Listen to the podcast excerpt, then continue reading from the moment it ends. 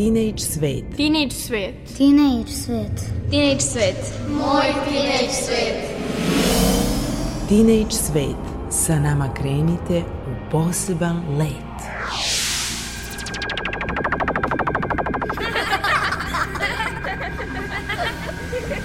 Kreativan deči svet. Moj teenage svet. Dobar dan, dobrodošli u Teenage svet.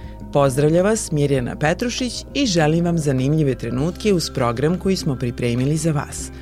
U ovom izdanju emisije čućete kako su učenici tri novosadske osnovne škole učestvovali u projektu Dečeg udeljenje Gradske biblioteke u Novom Sadu, Deči kulturni vodič kroz Novi Sad.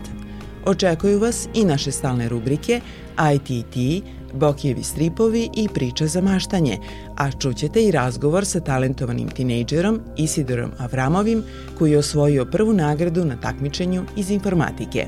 Ne menjajte frekvenciju, ovo je vaš Teenage Svet. Ovo je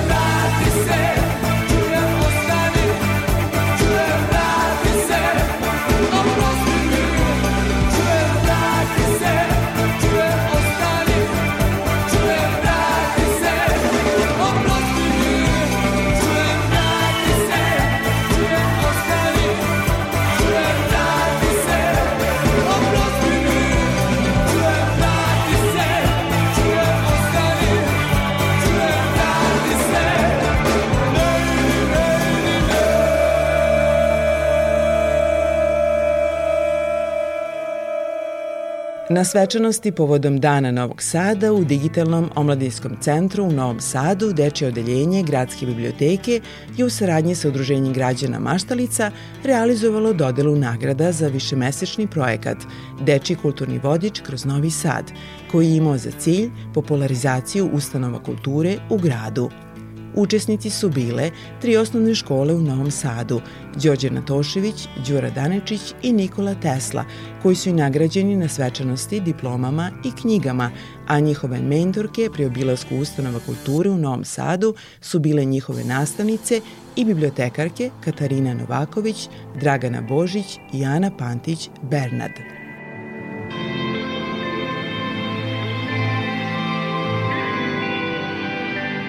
Žiri u sastavu urednica časopisa Neven Jelena Dopuć, direktor arhiva grada Petar Đurđev i ja kao urednica dečeg programa Radio Novog Sada donali smo odluku u kojoj nam je glavni kriterijum bio dečiji doživljaj našeg grada kroz projekat Dečiji kulturni vodič kroz Novi Sad. Osnovne škole Đura Danečić i Đorđe Natošević ravnopravno dele drugo mesto, a prvo nagrađeni su učenici iz osnovne škole Nikola Tesla, a u narednim minutima slušamo njihovu prezentaciju. Pozdrav svima! Prije svega želimo da se zahvalimo na ovom projektu koji nas je sve bolje upoznao sa našim gradom i dokazao da Novi Sad za pravo nosi titulu prestonice kulture. Gradska biblioteka u Novom Sadu bila je naša prva stanica gde smo se upoznali sve nove drugare iz još dve škole, osnovne škole e, Đura Daničić i osnovne škole Đorđe Natošević. Takođe smo upoznali našu dragu bibliotekarku Keti koja nas je vodila kroz sve ove naše pustolovine. A sada dozvolite da vam se predstavimo. Mi smo ekipa iz osnovne škole Nikola Tesla. Naš tim se sastoji iz šest članova, to su Leila, Una, Pavle, Marko, Miloš i Jovana. Mi smo bili deo projekta Deči kulturni vodič kroz Novi Sad. Prva ustanova koju smo posetili jeste muzej, Novog, muzej grada Novog Sada. Tamo smo čuli različite zanimljivosti, imali smo osjećaj kao da smo došli u dodir sa istorijom. Stara odeća, grčarija i jedan duboki bunar činili su atmosferu sve boljom i interesantnijom. Osim zanimljivih stvari sa kojima smo se susreli, upoznali smo se i sa životom jedne od naših najuglednijih naučnica ikada, sa životom Mileve Marić-Einstein. Naučili smo i saznali mnogo uh, novih činjenica o njoj. Nakon posete fascinantnom muzeju grada Novog Sada na Petrovaradinskoj tvrđavi shvatili smo da je Novi Sad površinski i brojčano mali grad naspram mnogih drugih, ali da zato ima ogromnu i bogatu istoriju. Naš sledeći obilazak bila je predstava u pozorište, pozorištu mladih.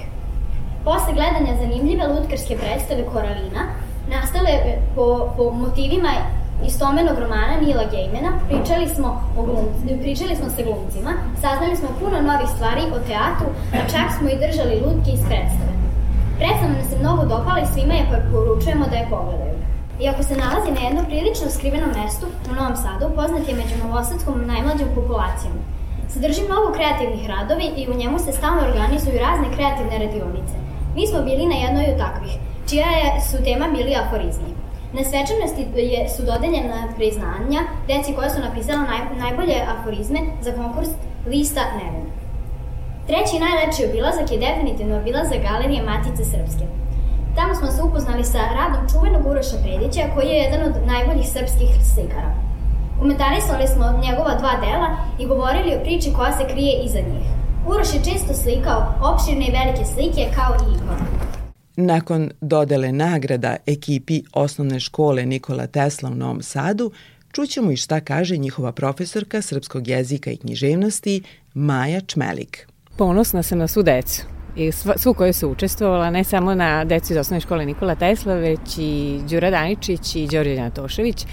Deca su toliko divna i ovaj Novi Sad je stvarno grad e, mladosti i grad mladih i kulturne institucije ne treba da se brinu kada imaju takve motivatore, takve kulturnjake i takvu decu koja, koje promovišu kulturu u svom gradu. A što se tiče dece kojima ja lično i predajem Maja Čmelik iz osnovne škole Nikola Tesla, vrlo sam ponosna na njih i ove, ništa manje nisam ni očekivala, moram da vam kažem, jer su oni pre svega oduševljeno prihvatili poziv e, gradske biblioteke, odazvali se i vrlo rado su išli na svaki, onako sa osmehom, sa radošću, na svaki sastanak sa Katarinom, već su i Katarinu i gradsku biblioteku ovaj, zvali svojom drugom kućom i Keti kao Keti i posebno mi je drago što su ovaj, e, već pri prvom susretu pronašli svoju prvu kulturnu ovaj, stanicu, to je bila gradska biblioteka. Tako da je Novi Sad bogatiji za još nekoliko kulturnih radnika, da tako kažem. O projektu Dečji kulturni vodič kroz Novi Sad govore učenici iz osnovne škole Đura Danečić i njihova nastavnica Daniela Karapanđin. Ja sam Lena Rosić iz osnovne škole Đura Daničić. Svi smo stvarno uživali, saznali smo puno novih stvari i uh, mislim da je najbitnije smo se zabavili. Kakvi su onako generalno utisci nakon dodele nagrada? Zadovoljni smo. Bilo nam je lepo svima Uživali smo i stvarno nam je bilo drago da smo učestvovali u nekoj svečanosti bilo kog tipa i uh, svi su stvarno srećni i zadovoljni. Ja sam Sara Sabo iz osnovne škole Đora Daničić. Šta ti se najviše dopalo u ovom projektu? Najviše mi se dopalo to što smo obilazili razne, razna mesta e, u Nam Sadu i mnogo stvari smo saznali što ranije nismo znali i bilo je veoma zanimljivo. Koji način si ti učestvovala? Pa tako što sam obilazila sa mojom ekipom i našim vodičem. Ti si ponjela jedan fotoaparat danas? Da. Jedan stari fotoaparat? Da, to je bio fotoaparat od moje prabake koji se u njihovo vreme koristio. Ja sam Anđelija Vojvodić i dolazim iz škole Đure Danjušić. O, predstavljali smo uh, na našoj prezentaciji razne nacionalnosti u Novom Sadu i obilazili smo ih Obilazili smo ih nekoliko nedelja i meseci i na kraju smo sabrali utiske i sve smo sklopili u jednoj prezentaciji. Šta se tebi najviše dopalo? Koja je ustanova kulture? Uh, arhiv Novog Sada nam se najviše dopao jer smo videli neke od dokumenta naših najpoznatijih pisaca i pesnika. A šta kaže nastavnica? Nama je bilo drago iz škole Đerodaničić da deca učestvuju u ovakvom projektu i nadamo se još ovakvim projektima lepom saradnji kao što je bila ovo.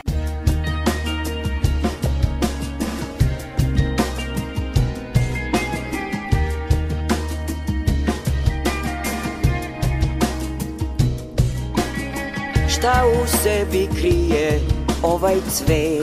Što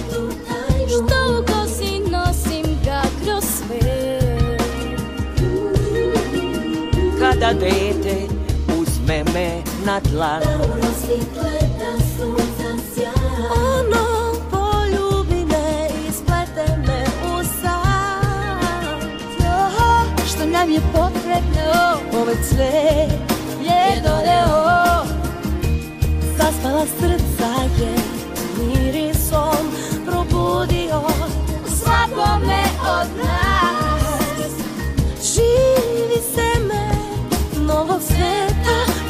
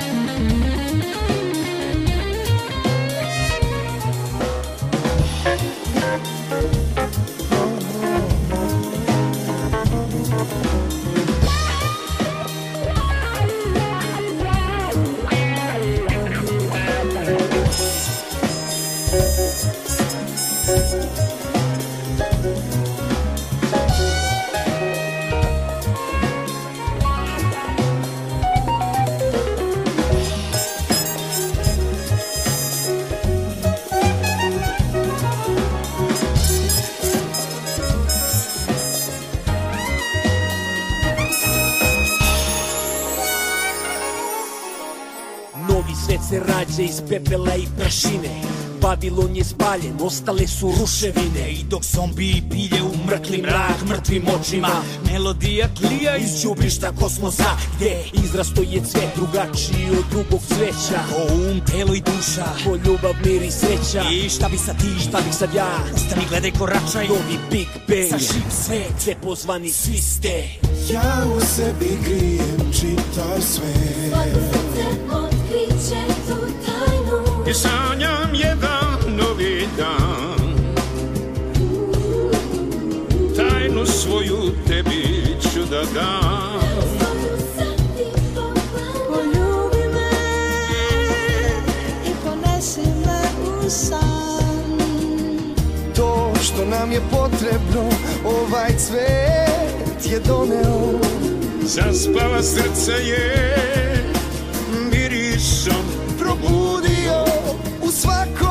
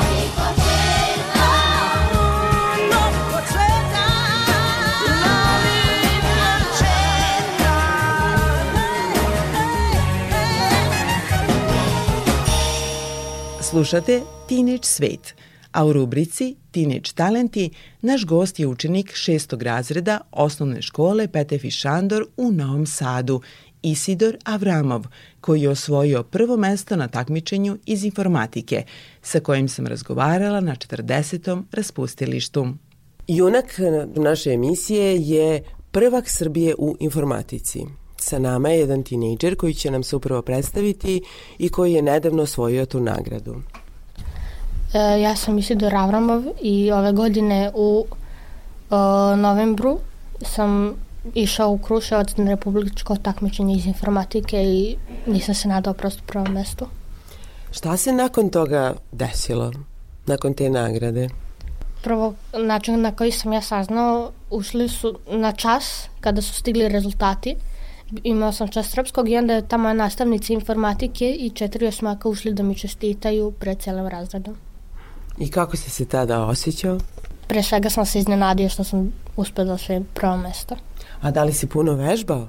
Ne, uopšte nisam vežbao. Često kažu da je za neki uspeh potrebno da se čovjek mnogo trudi, da bude vredan, radan, ali verovatno si ti imao neki Ja sam dan talenat. prije toga sve danas slagao Lego. A da li si možda ranije vežbao? Mm, pa ne, samo sam, e, prvo smo svi bili na školskom takmičenju i onda tu ko osvoji uh, 11 ili 12 prolazi i škola nas je prošla samo četvoro. I onda smo uh, jedan dan pre takmičenja, to je bila subota, dobili smo u petak slobodno da ne idemo u školu i onda sam ja taj dan umesto da vežbam slagao Lego, sve vreme su me terali da vežbam. Da, osvojio sam maksimalan broj bodova, bilo je 12 zadataka. Izrada traje 45 minuta kao jedan školski čas, što je za razliku od matematike. U matematici imamo 5 zadataka za dva, a radimo 2 sata. Ovde 45 minuta. I ja sam osvojio maksimalan broj bodova, to je 152. I, na primer, zadaci e, donose različiti broj bodova. Najlakši donosi 6, a najteži donosi 12 a na primer uh, imaju i negativni bodovi. Kada pogrešiš najlakše, e, gubiš četiri boda. Ali ako pogrešiš najteže, zato što je veća šansa da pogrešiš, gubiš dva boda samo. Pa ja ti čestitam. Hvala ti puno i bez obzira što ti nisi vežbao osvojio si prvu nagradu, da li ćeš i sledeći put tako na takmičenju se ponašati Pa, ili ćeš ipak vežbati? Nisam siguran. Zato što prvo moram uopšte da dođem do republičkog. Ovo je bila možda sreća, a možda i ne. Ali i sledeće godine ta nastavnica moje informatike mi je rekla zato što sam ovo uspeo da mogu na kraju šestog da položem prijemni da odem u Jovinu 7. i 8.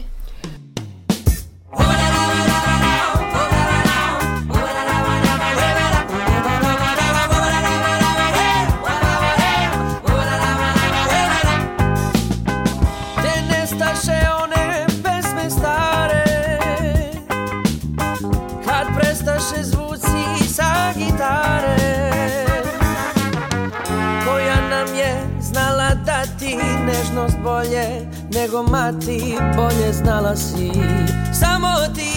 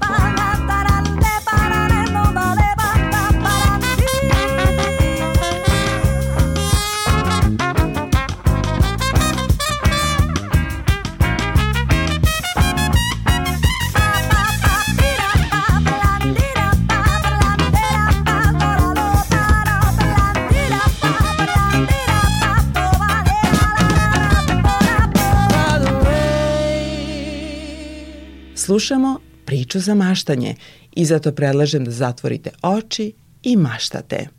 Otkud čoveku 80 godina?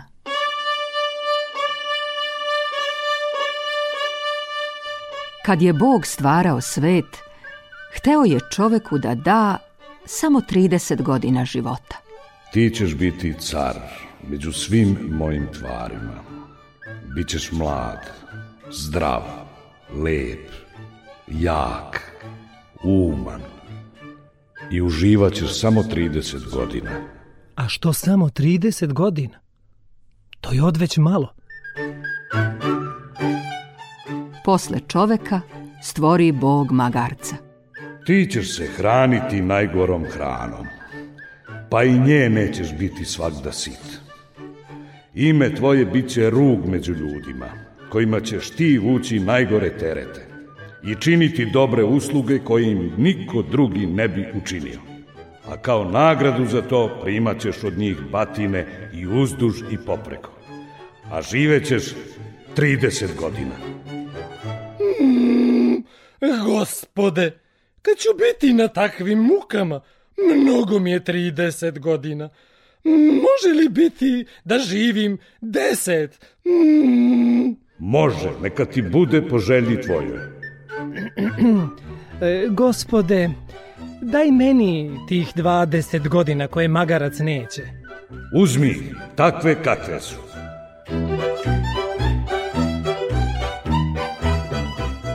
Čovek se obradova u srcu svome što je stekao još 20 godina.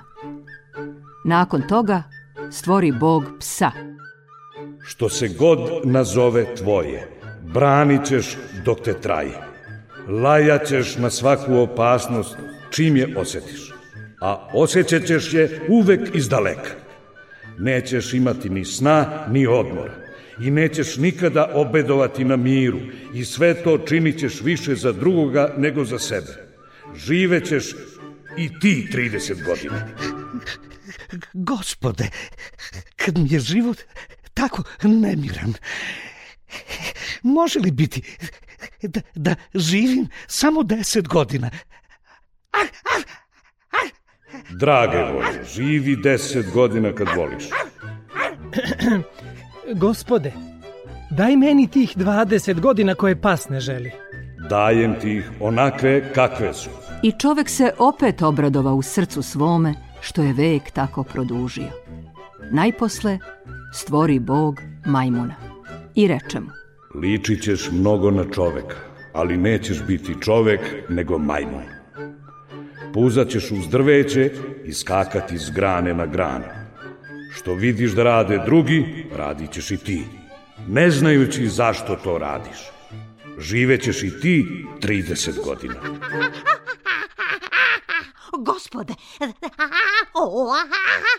takvog života meni je dosta 20 godina. 30 godina je mnogo. Neka ti bude po želji tvojoj. Gospode, daj meni tih 10 godina koje majmun neće. Dajem ti ih onakve kakve su.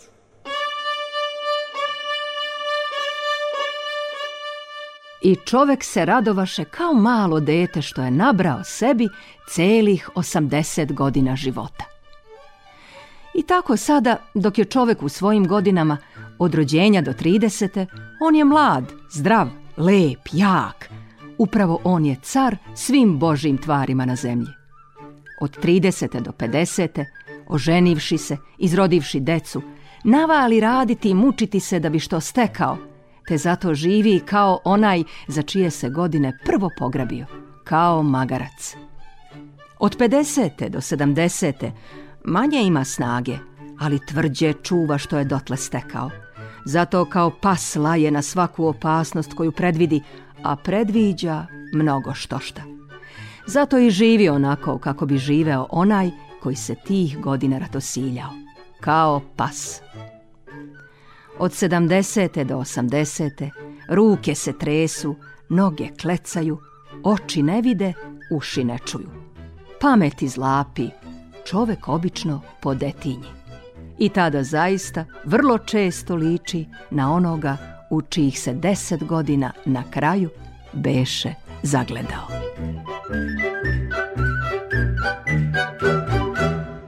Ulogi su tumačili Gordana Đurđević-Dimić, Miodrag Petrović i Slobodan Ninković. Reditelj Srđan Arsenijević.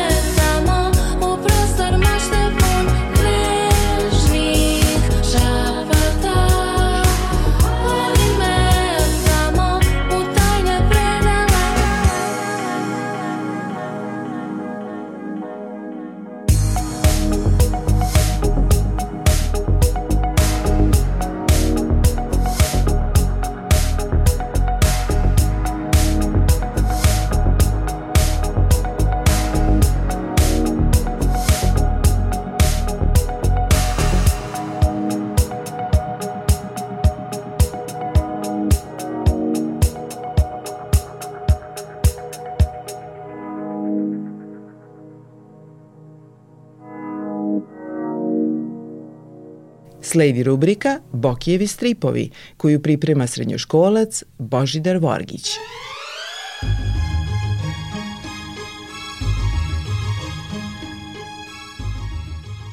Bokijevi stripovi.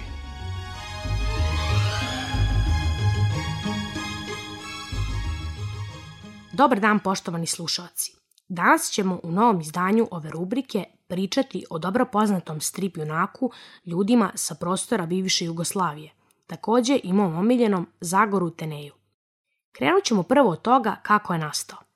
Zagor je stvoren u Italiji u julu davne 1964. godine od strane scenariste Sergio Bonellija i crtača Galijena Ferija.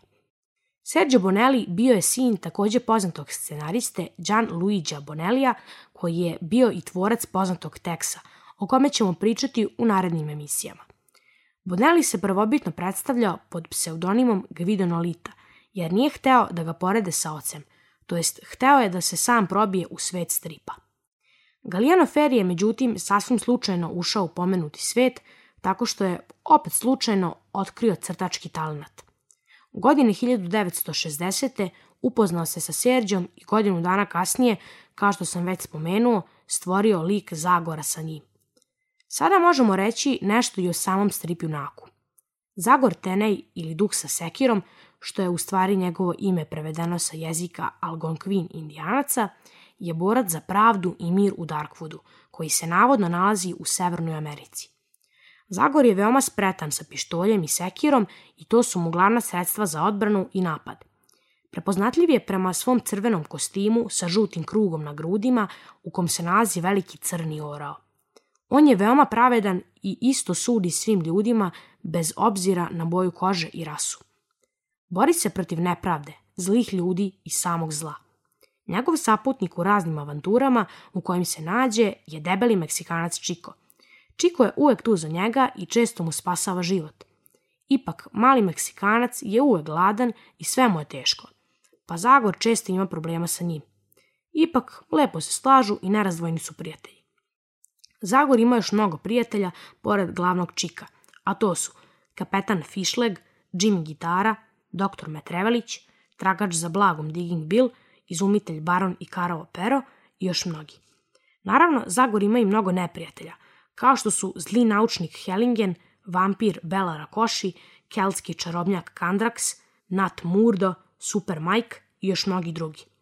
Na kraju sam hteo reći zašto je Zagor moj omiljeni junak. Najviše zbog toga jer se bori za mir i blagostanje i što naravno kreće u mnoge zanimljive i opasne pustolovine.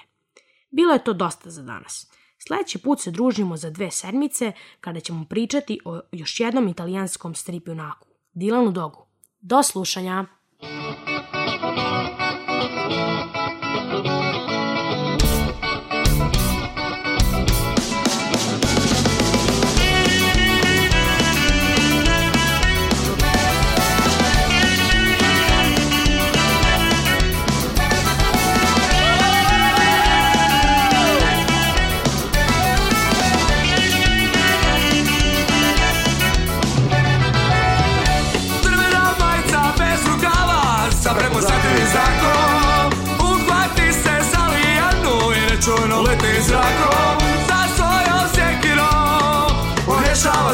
Say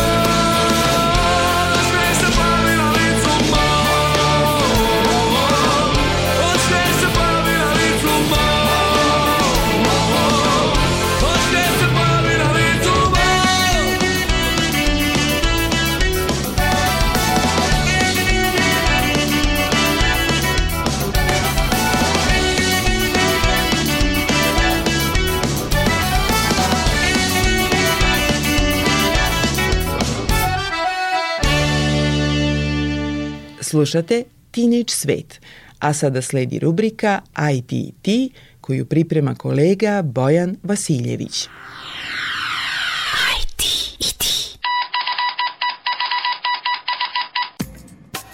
Da li je razglednica domaći izum?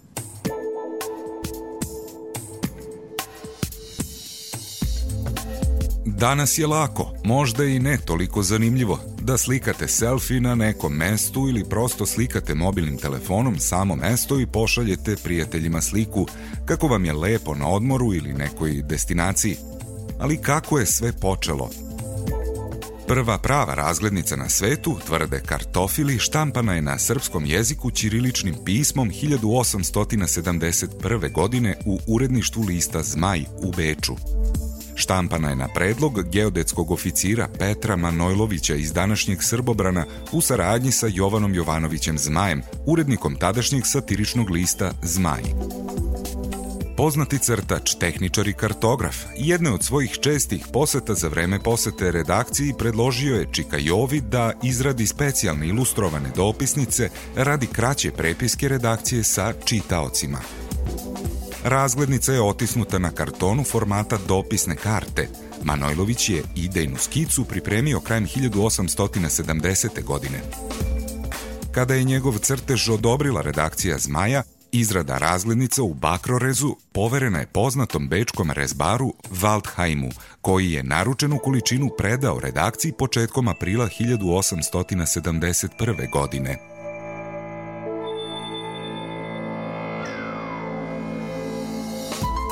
Ova prva ilustrovana dopisnica u svetu imala je sve karakteristike razglednice u današnjem smislu. Sliku na prednjoj strani sa određenim prostorom za adresovanje, odnosno poštansku marku, dok je poleđina karte ostavljena prazna za saopštenje. Pretpostavlja se da je autor želeo da crtežom izrazi tada popularnu ideju panslavizma. Čitava slika je zapravo simbolizovala objedinjavanje slovenskog življa u istočnom delu Evrope što je u najmanju ruku bila vrlo nepopularna tema u Austro-Ugarskoj, kao u ostalom i list Zmaj.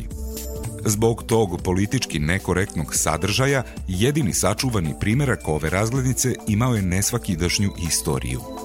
Poštanska karta koju je Petar Manojlović iz Beča poslao u Sombor svom stricu, somborskom advokatu Dimitriju Manojloviću 19. maja 1871. godine, tako je ušla u istoriju. Kada je Dimitrije Manojlović primio razglednicu i video motiv prostora koji je naseljavao pravoslavni slovenski živalj, nije se mnogo dvoumio šta će sa njom. Verovatno bojeći se političkih posledica, precrtao je natpis Sombor, vratio razglednicu pošiljaocu sa propratnim tekstom Ja sa zmajom nikakva posla neću da imam, ne prima se.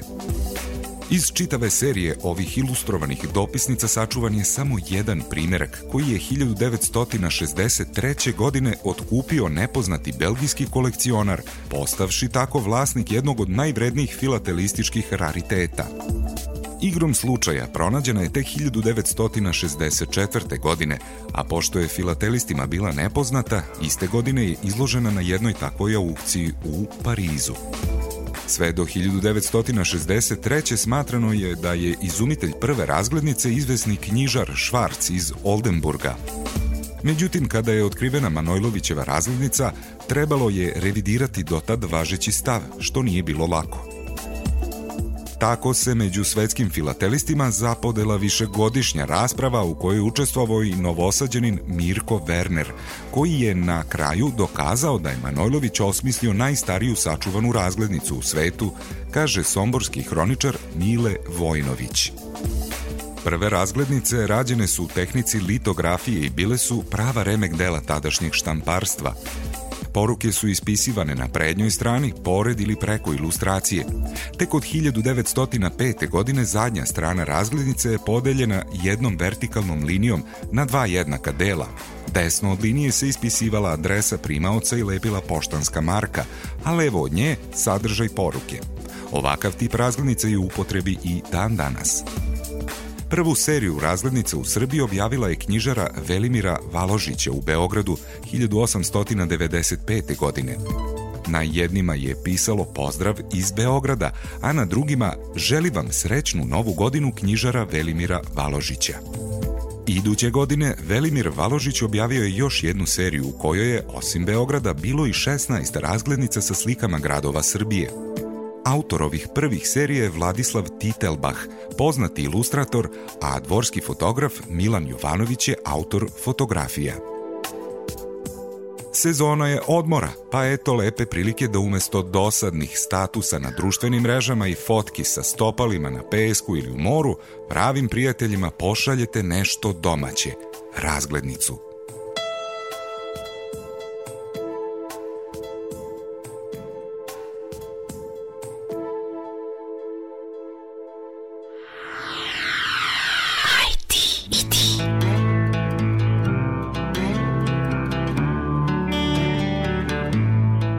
Poštovani slušalci i dragi tinejdžeri, hvala vam što ste bili sa nama u emisiji Teenage Svet, a sve naše emisije možete čuti na sajtu rtv.rs odloženo slušanje. Pozdravlja vas složna ekipa u sastavu muzički urednik Nikola Glavinić, ton majstor Sabina Nedić i urednica i voditeljka emisije Mirjana Petrušić. Srdačan pozdrav i do slušanja!